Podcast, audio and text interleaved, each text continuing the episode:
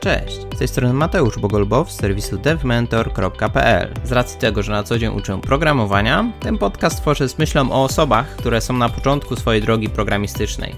Startujesz w branży IT? Zasubskrybuj ten podcast, aby nie ominął Cię żaden odcinek. Zaczynamy! Dziś moim gościem jest Daniel Roziecki. Mamy 2023 rok. Branża IT ze względu na czynniki gospodarcze i polityczne zwolniła, do tego prężnie rozwija się sztuczna inteligencja. Z Danielem podyskutujemy więc dziś o tym, czy przebranżowienie do IT ma jeszcze sens. Danielu, dziękuję, że przyjąłeś moje zaproszenie na rozmowę. Cześć Mateusz, dziękuję Ci bardzo serdecznie za zaproszenie. Witam wszystkich i, i ja mam do Ciebie coś innego i dzisiaj zrobimy troszkę inaczej. Pozwól, że na chwilę się zamienimy miejscami, co to na to? Bo wiesz co, ja coś przeczytałem wczoraj. Ja coś przeczytałem wczoraj w mediach i chciałem Ci bardzo serdecznie pogratulować, bo zdaje się, że Twój podcast został laureatem konkursu na najlepszy podcast IT w Polsce. Czy dobrze, dobrze pamiętam? A, dziękuję, tak, potwierdzam, zgadza się, jestem zaskoczony, bo nie, nie ustalaliśmy tego wcześniej, ale potwierdzam, tak jest i dziękuję wszystkim, którzy nas nas słuchają i wszystkim, którzy głosowali na podcast. To dzięki Wam tu jesteśmy i dzięki Wam dalej działamy. Nie, no pewnie, że nie ustalaliśmy, bo to wiesz, to, to nudne by było, nie? To wiesz, to, to jeszcze jedno tylko pytanie do Ciebie, jeśli mogę. Jasne. Jak to się stało, że zacząłeś nagrywać podcast? Myślę, że tutaj duża zasługa dla Krzysztofa Kępiskiego, który ma swój podcast. Wystąpiłem u niego jako gość i spodobało mi się i postanowiłem, że też zrobię własny. A, Krzysiu sobie wyhodował konkurencję, krótko mówiąc. Tak jest, tak jest. Także podziękowania jeszcze raz dla niego. I myślę, że nie jesteśmy konkurencją, bo jednak trochę inne tematy omawiamy. Mhm. Krzysiek zajmuje się bardziej tematami dla osób bardziej zaawansowanych, bym powiedział, a tutaj rozmawiamy o tematach, chciałbym bardziej dla osób początkujących. Tak jest, pozdrowienie dla Krzysia i już ci oddaję twoją rolę, proszę, proszę. Dzięki, dobrze. To może ja powiem też tak, że to nie jest nasza pierwsza nagrywka, więc pewnie spora część osób już cię zna, więc tym razem może krócej. Bardzo. Ale powiedz nam proszę coś o sobie i co łączycie z branżą IT. A jeżeli ktoś e, będzie chciał więcej, no to po prostu zajrzy do odcinka związanego właśnie z, z wartością juniorów w IT. Tak jest, tam się strasznie rozgadałem, przepraszam. Słuchajcie, no to jest to bardzo króciutko. Zajmuję się IT od początku szkoły, znaczy od szkoły podstawowej. Siedzę w tej branży już w tej chwili ponad 30 lat. Jestem programistą, administratorem. Robię w zasadzie wszystko, co możliwe branży IT, poza rzeczami artystycznymi, jak nie wiem, muzyka czy gra grafika. Tutaj jestem pełen podziwu dla Mateusza za to, że zajmuje się frontendem. To nigdy nie była moja działka, zajmuję się backendem i tak zostanie. Wprowadzam od pewnego czasu osoby początkujące do branży. Bardzo to lubię robić. Wiem, że te osoby są bardzo zadowolone z tego, że się tego podjąłem, tego zadania. I to by było na w zasadzie tyle. Więc jeśli byś miał jakieś pytania czy coś, wal, obejrzyj ewentualnie wcześniejszy odcinek i to tyle. Nie przedłużajmy może. Tak jest, więc na początek pytanie, czy to, co się dzieje obecnie w branży IT, już się kiedyś zdarzyło? Ja mam trochę takie porównanie do kryzysu bańki dotcomów z lat 90., ale raczej bardziej chodzi mi tu o sytuację niż o jej rozmiar. Co myślisz? Wiesz co, ja myślę przede wszystkim, że jest niestety szansa, że najgorsze jest jeszcze daleko przed nami.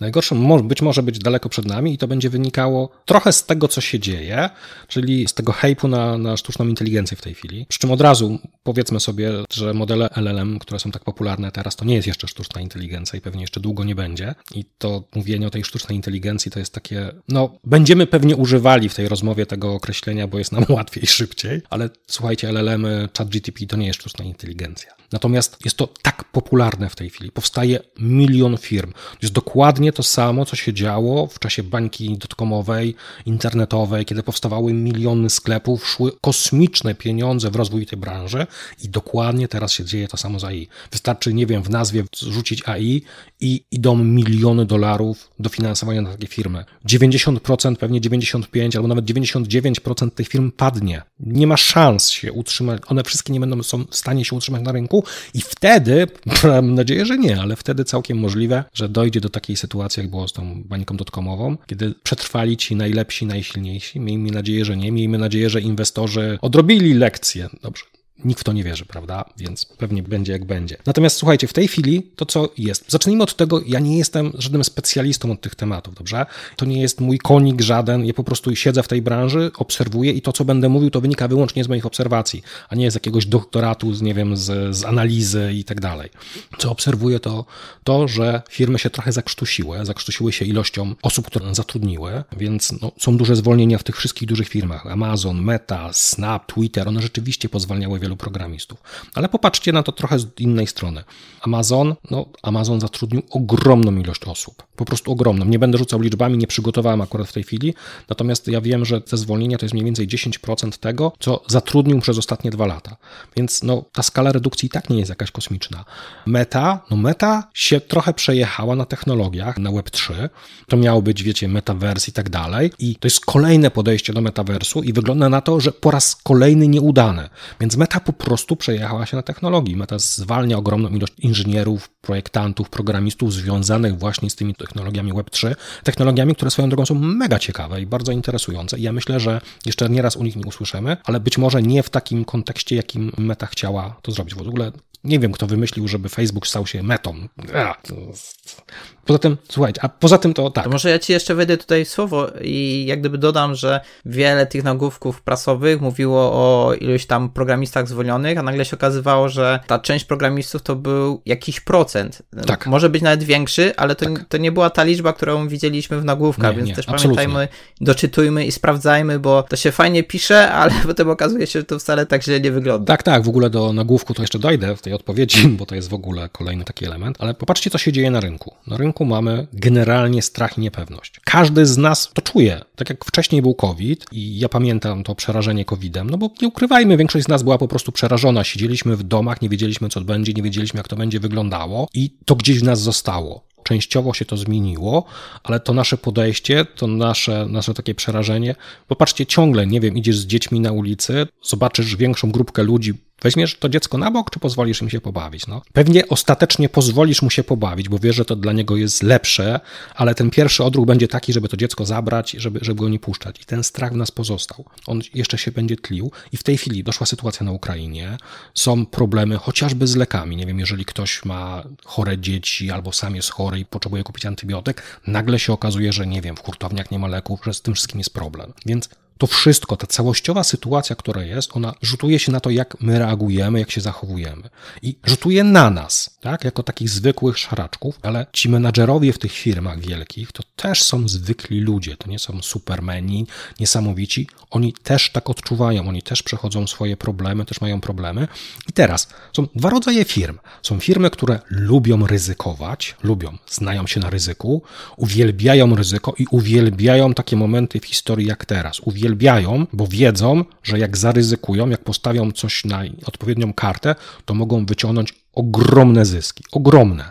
Są takie firmy, ale większość firm to są firmy, które lubią grać bezpiecznie. One lubią stałe zyski, powiększające się z roku na rok oczywiście, ale bazujące na pewności. One nie lubią ryzykować. W tej chwili mamy sytuację absolutnie niepewną. Nie wiadomo, jak to będzie, jaką stronę się to wszystko potoczy. Nie wiadomo, co będzie za rok, co za dwa. W związku z czym te firmy bezpieczne, one tną inwestycje, tną projekty, które miały przygotowane. Na przykład ja dostałem wiele informacji od programistów, którzy już dostali, już byli zatrudnieni i nagle się okazało, że dostali informację, że firmy ich bardzo przepraszają, ale niestety nie są im w stanie zagwarantować tej pracy, ponieważ projekt został ukrócony i po prostu nie będzie realizowany.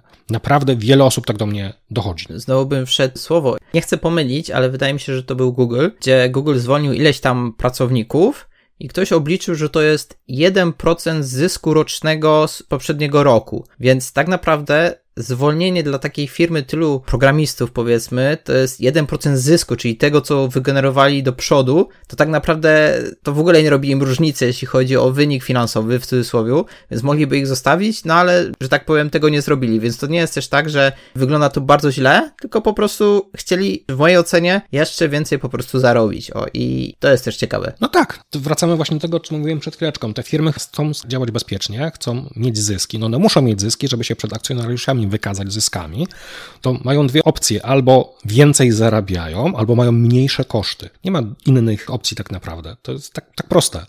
Więc jeśli firmy boją się inwestować, boją się rozwijać kolejne gałęzie, no to jedyną opcją na to, żeby, nie wiem, zostać chociażby przynajmniej na tych samych poziomach zysków, albo przynajmniej nie tracić, no to jest obniżyć koszty. No jak najłatwiej jest obniżyć koszty?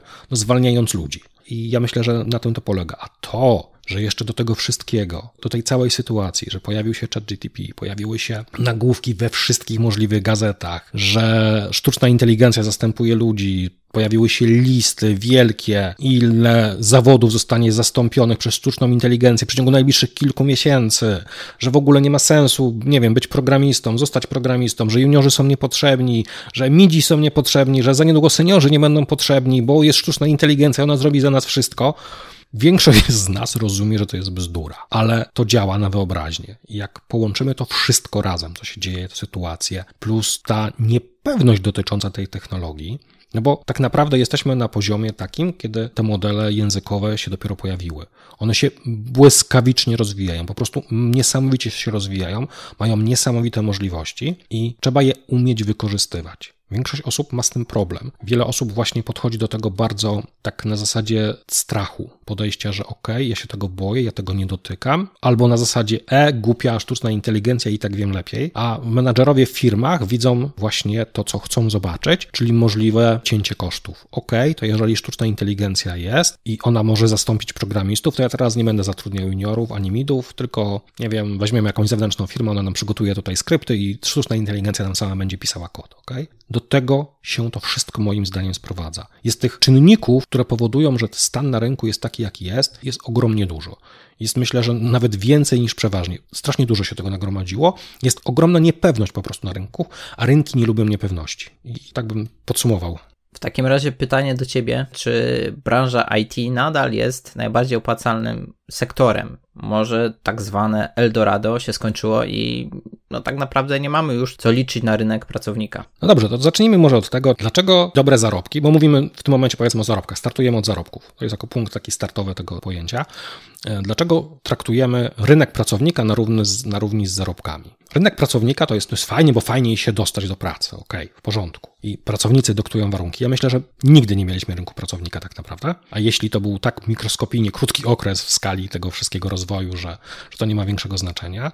Natomiast... To ja może dołożę swoją cegiełkę i uważam, że rynek pracownika mocno polega na tym, że możesz zmieniać dość szybko pracodawcę i to ten pracodawca prosi cię, żebyś przyszedł do niego, a nie, że ty składasz CV i czekasz na odpowiedź od niego, bo tak często było. Tak, i w tym kontekście myślę, że nadal mamy rynek pracownika i będziemy mieli rynek pracownika dla specjalistów, dla osób, które są na wyższym poziomie, dla midów, dla seniorów, dla architektów. Ja myślę, że nadal mamy rynek pracownika i to się nie zmieni. Po prostu osoby, które mają odpowiedni poziom wiedzy, odpowiedni poziom doświadczenia, to one nadal dyktują warunki. One są w stanie przejść z firmy do firmy bez najmniejszych problemów. One są wyłapywane przez headhunterów. To się nie zmieniło i to się nie zmieni. Problem mają osoby początkujące, ale kurczę, osoby początkujące, które chcą rozpocząć, one nigdy nie miały łatwo. Nigdy nie, miały, nie było rynku pracownika dla osób początkujących. Nigdy nie było czegoś takiego, że osoba, która chce zostać juniorem, chce wejść pierwszy raz do pracy, może sobie wybierać z firmy. No, no nigdy tak nie było. Na wyższym poziomie wiedzy, na wyższym poziomie umiejętności było i uważam, że nadal jest. Nie dla wszystkich, ale dla tych osób, które naprawdę potrafią się sprzedać, to jak najbardziej są takie możliwości. Osoby początkujące nigdy nie miały rynku pracownika i myślę, że nigdy nie będą miały rynku pracownika, chyba że dojdziemy do sytuacji takiej, kiedy faktycznie osoby zarządzające dojdą do wniosku, że dobry junior plus sztuczna inteligencja, plus znajomość no-codu to jest świetna inwestycja. Świetna inwestycja i wtedy może się trend zmienić, może się rzeczywiście okazać, że firmy zaczną zatrudniać juniorów, ale do tego dojdziemy, bo tutaj jest kilka innych problemów jeszcze po drodze. To może bym dopytał Cię jeszcze takie dodatkowe pytanie. To skąd się bierze obecna sytuacja na grupach? Mówię tutaj o tych ilościach składanych CV albo jakby tych obawach. Dlaczego to teraz tak się nasiliło, a wcześniej tak bardzo tego nie było widać? No ja myślę, że to wszystko właśnie wynika z tego strachu nieszczęsnego ludzie widzą, jak to wygląda, widzą, że właśnie, że jest ten strach, bo firmy zwalniają, bo początkujący nie mogą znaleźć pracy, ale oni nigdy nie mieli jakoś super łatwo, tak? Zawsze to znalezienie pracy przez osobę początkującą wiązało się no, z szukaniem, z kombinowaniem, ze składaniem tych CV. To prawie nigdy nie działa w ten sposób, że stworzysz jedno CV i masz pracę. Oczywiście można to zrobić na milion sposobów. Znam osoby, które po prostu złożyły CV i się dostały do pracy. Znam takie osoby i to bynajmniej nie po. Znam osoby, które w ogóle nie składały CV i mają pracę. Tak też można, ale to jest powiedzmy, to jest promil tych wszystkich osób, które tej pracy szukają. Ja myślę, że w tej chwili po prostu jest ten strach, chęć wyżalenia się, chęć pokazania, jak nam jest wszystkim źle i wiecie jak to jest, my lubimy rzeczy robić stadnie, tak? Jak się mamy cieszyć, to wszyscy się razem cieszymy, jak mamy się wyżalać, to wszyscy się razem wyżalamy, jak to jest nam źle i niedobrze. I to jest złe. To jest złe, bo to niesamowicie podkopuje mentalność wielu osób. Ja widzę też w swoich projektach, jak siada psychika. O tym sobie myślę, że później porozmawiamy, bo warto. Natomiast co, ja bym chciał jeszcze a propos tego właśnie tego Eldorado całego opowiedzieć, bo to tak zacząłem, ale nie skończyłem. No bo słuchajcie, o tym rynku pracownika sobie porozmawialiśmy, ale co to znaczy, że branża jest opłacalna? No bo jak ktoś ma smykałkę do, nie wiem, sprzedaży, to kurczę w salonie samochodowym zarobi dużo więcej pieniędzy. Jak ktoś jest dobrym handlowcem wędlinami, miałem znajomego, który jeździł z wędlinami lata temu, on kosmiczne pieniądze zarabiał, tak? On zarabiał więcej niż ja jako programista. Jak ktoś jest dobrym inżynierem, to na dobrej budowie zarobi ogromne pieniądze. Mam żonę, która jest księgową, prowadzi swoje biuro rachunkowe. No i ja wiem, ile architekci zgarniają pieniędzy za projekty. IT wcale nie jest jakąś super wspaniałą branżą od strony finansowej. Dobrze się zarabia, ale wcale nie, nie jakoś genialnie na tle innych branż. Kolejny element jest taki, że jaka jest bariera wejścia. Ponownie, jak ktoś jest, nie wiem, ma dobre umiejętności sprzedaży, to do handlu może wejść dosyć szybko.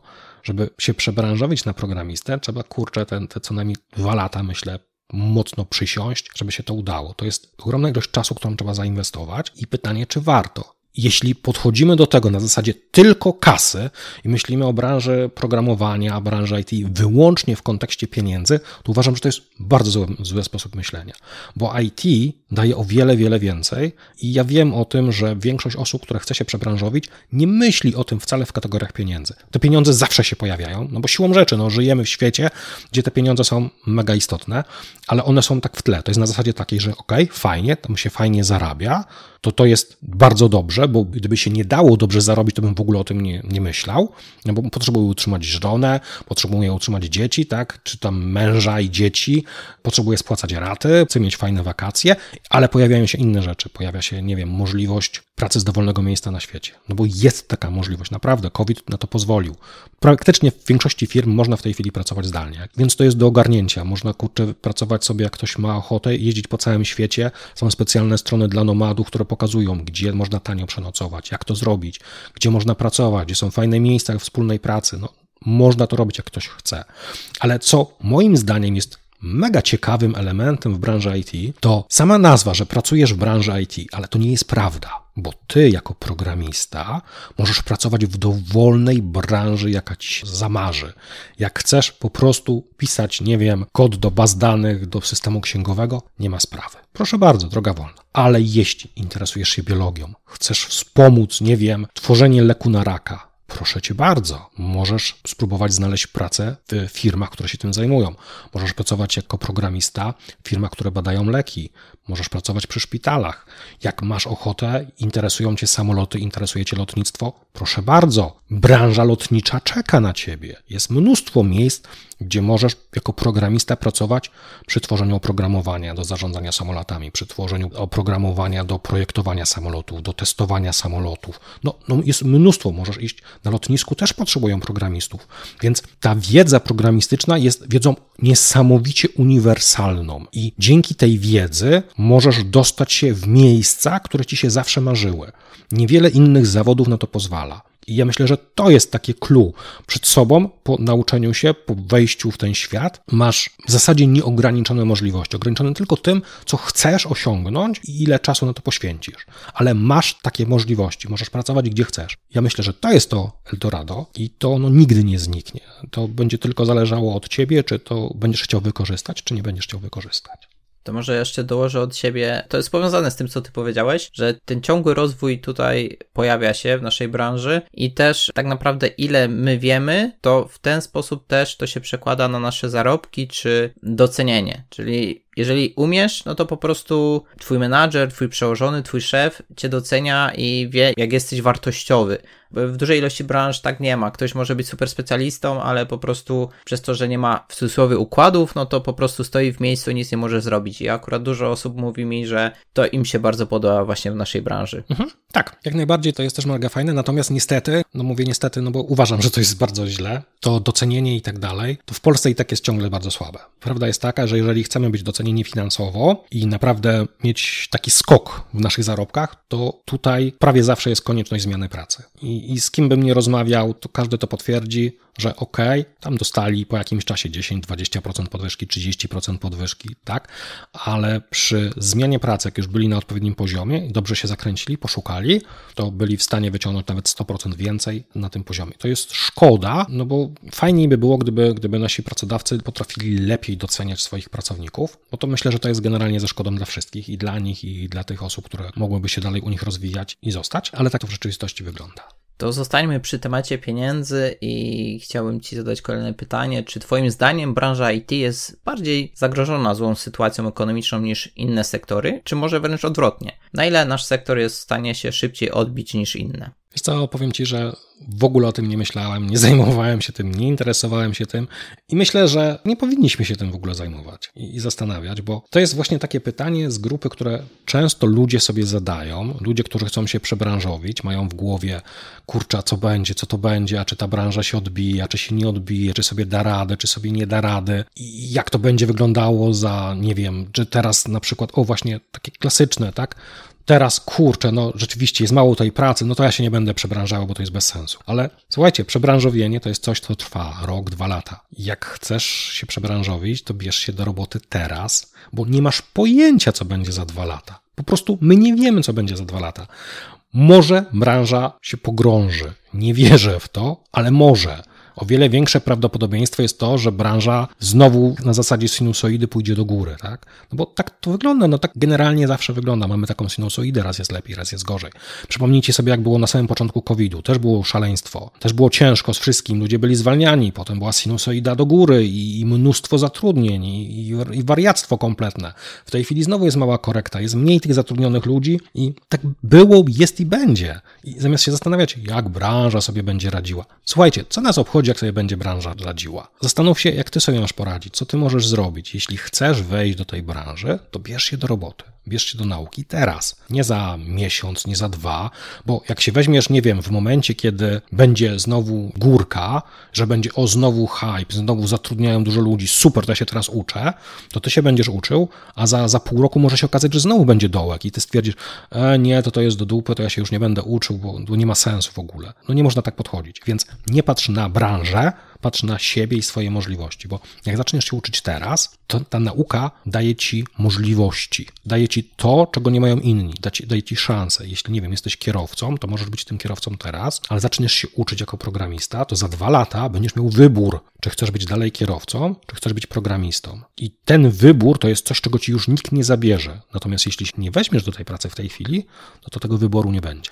Ja myślę, że na tym się skoncentrujmy. Nie myślmy o tej branży, całościowej, wielkiej branży, na którą nie mamy kompletnie wpływu, a skoncentrujmy się na to, na co po prostu mamy wpływ i zajmijmy się tym, co mamy do zroboty. To w takim razie spróbuję się nad tym skoncentrować i mam nadzieję, że nam w tym pomożesz, bo chciałbym się dowiedzieć od Ciebie, jakie trendy w dziedzinie programowania będą miały największy wpływ na przyszłość branży IT i może to jest coś, co właśnie w tym naszym zakresie jesteśmy w stanie zrobić, żeby to nasze przebranżowienie było łatwiejsze, przyjemniejsze. Wiesz co, jeszcze niedawno, zresztą na naszej ostatniej rozmowie, czyli tak zupełnie niedawno, tak, powiedziałbym, że tutaj na pewno warto się skoncentrować na narzędziach no-codowych, low-codowych i tak dalej, bo to uważam, że to jest ogromna przyszłość, ale, no ale pojawił się ChatGTP, pojawiły się modele, wielkie modele językowe i one po prostu pozamiatały. I myślę, że to jest coś, no, na czym się powinniśmy skoncentrować. To jest o tyle istotne, że tak naprawdę zgodnie z tym, co wiem w tej chwili, wejście w ten świat, przy czym oddzielmy dwa tematy. Możemy wejść w świat AI od strony inżynierów, którzy zajmują się tworzeniem AI. I to jest temat ogromnie skomplikowany. Nie każdy się do tego nadaje. Trzeba mieć ogromną wiedzę i z matematyki, i z wielu różnych dziedzin. Jeśli chcesz, nie ma sprawy.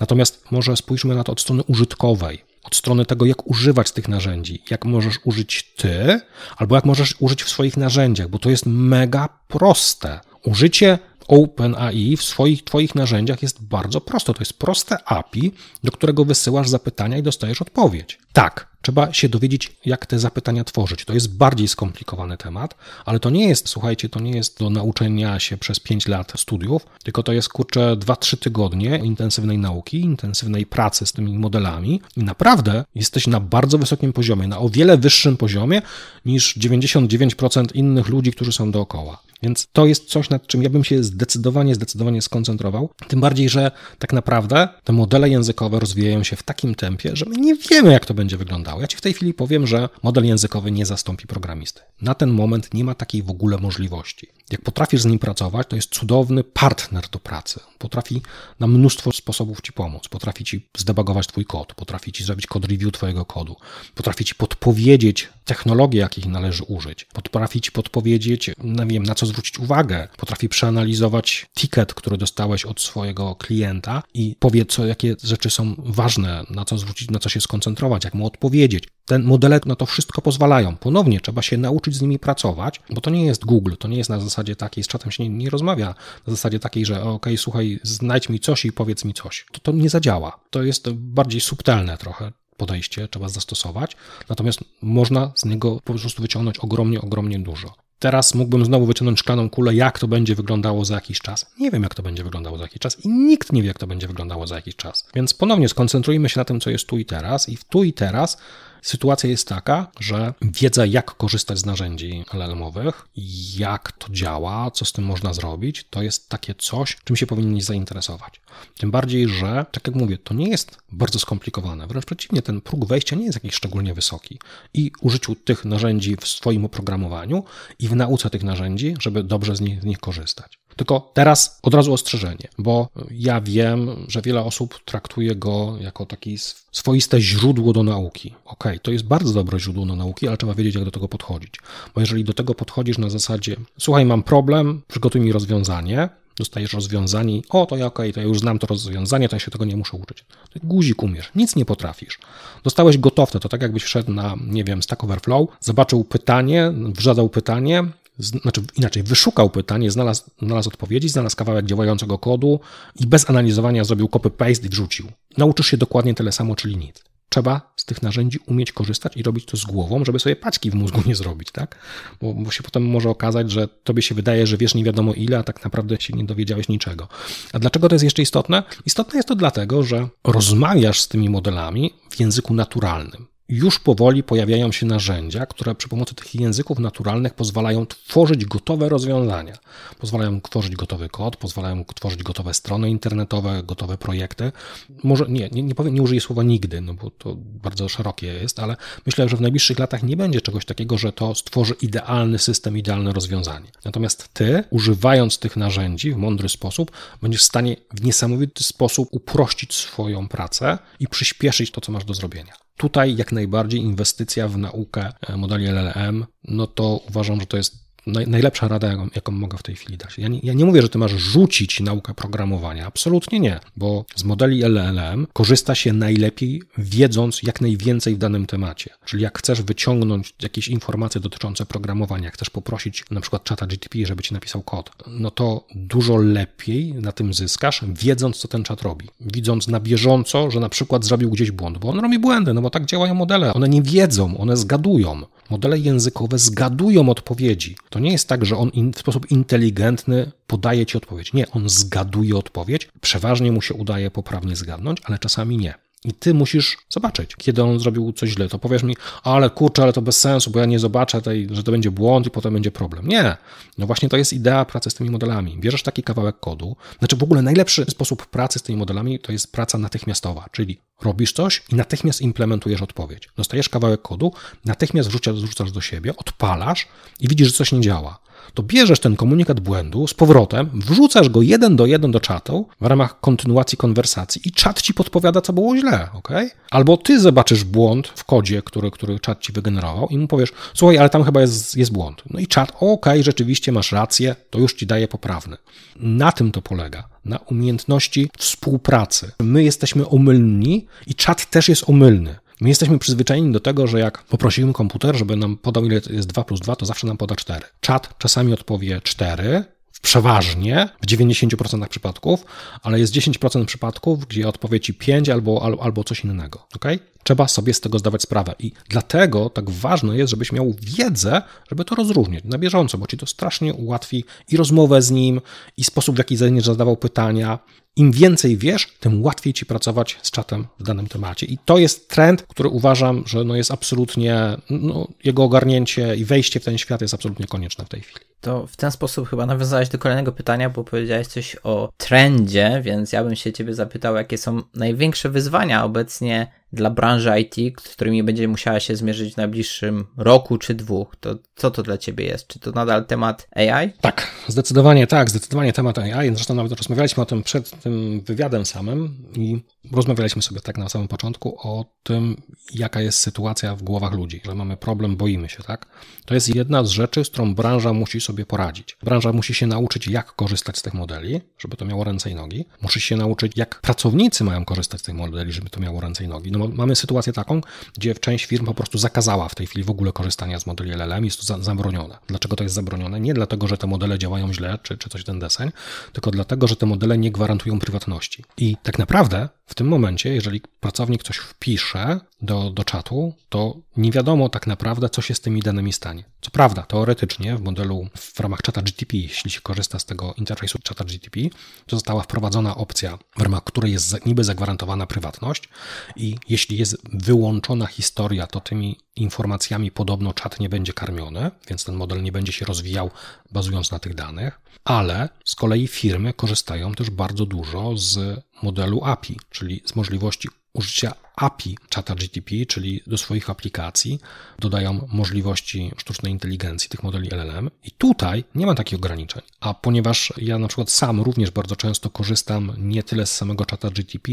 czy takiego zwanego sandboxu, który jest dostępny w ramach OpenAI, bo tam się dużo fajniej pracuje z moim zdaniem z tym modelem, to tam wpisane dane, trzeba bardzo uważać, co się wpisuje, bo te dane posłużą do rozwoju tych modeli językowych, znaczy mogą posłużyć, my tak naprawdę nie wiemy. I tu jest pies pogrzebany. To jest kwestia prywatności danych, bardzo ważna dla osób prywatnych, a dla firm no jest po prostu kluczowa, no bo nigdy nie wiemy, jakie informacje zostaną wrzucone, może jakieś umowy poufne. To są bardzo istotne rzeczy, które no, firmy bardzo dbają o to, żeby takie rzeczy nie, nie wyciekały. Trzeba też pamiętać, że te modele językowe muszą się na czymś uczyć jest właśnie taki kolejny problem, którym na przykład będzie się, myślę, w dużej mierze borykał Google czy Microsoft w kontekście wyszukiwarek. Wyszukiwarek, które w tej chwili działają na bazie SEO i działają na bazie reklam ogromna ilość, e, przynajmniej w przypadku Google'a, ogromna ilość przychodów Google'owych jest z reklam. Ale mamy w tej chwili czat, który można podpiąć do internetu. To nie działa jakoś rewelacyjnie, no ale działa i będzie działało pewnie. I Google również ma swojego barda, który też nie działa w tej chwili idealnie. Zresztą w Europie chyba go się nie, nie da się go jeszcze używać, ale ostatecznie będzie, będzie używał. A co z tymi reklamami? Nie wiadomo, gdzie w tym wszystkim pojawią się nagle reklamy, bo zaczną się pojawiać odnośniki do stron, ale ponieważ dostajesz na tyle skondensowanej formie od odpowiedzi z tych modeli, że tak naprawdę nie potrzebujesz już lądować na stronach, nie, nie jesteś tym zainteresowany, dostajesz gotowy materiał, taki odczłowieczony dosyć mocno.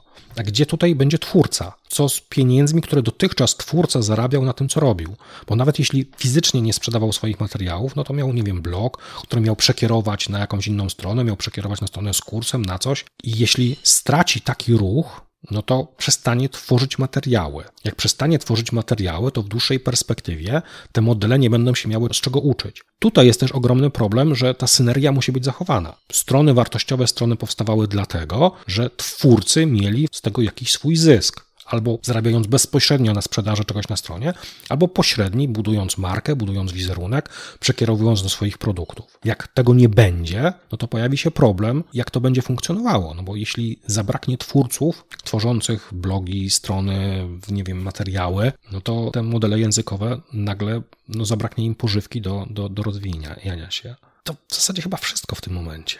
Jeśli chodzi o, o, trendy i to wszystko, co, co mamy robić i czym się mamy zajmować i z czym się będziemy mierzyli, to ja zdecydowanie na pierwszym miejscu w tej chwili stawiam tą sztuczną inteligencję. Ja wiem, że jest wszystko, jest wojna, jest milion innych rzeczy, ale jeśli patrzymy z punktu widzenia branży IT i osób, które chcą wejść do tej branży, to to jest myślę, że zdecydowanie numer jeden w tej chwili.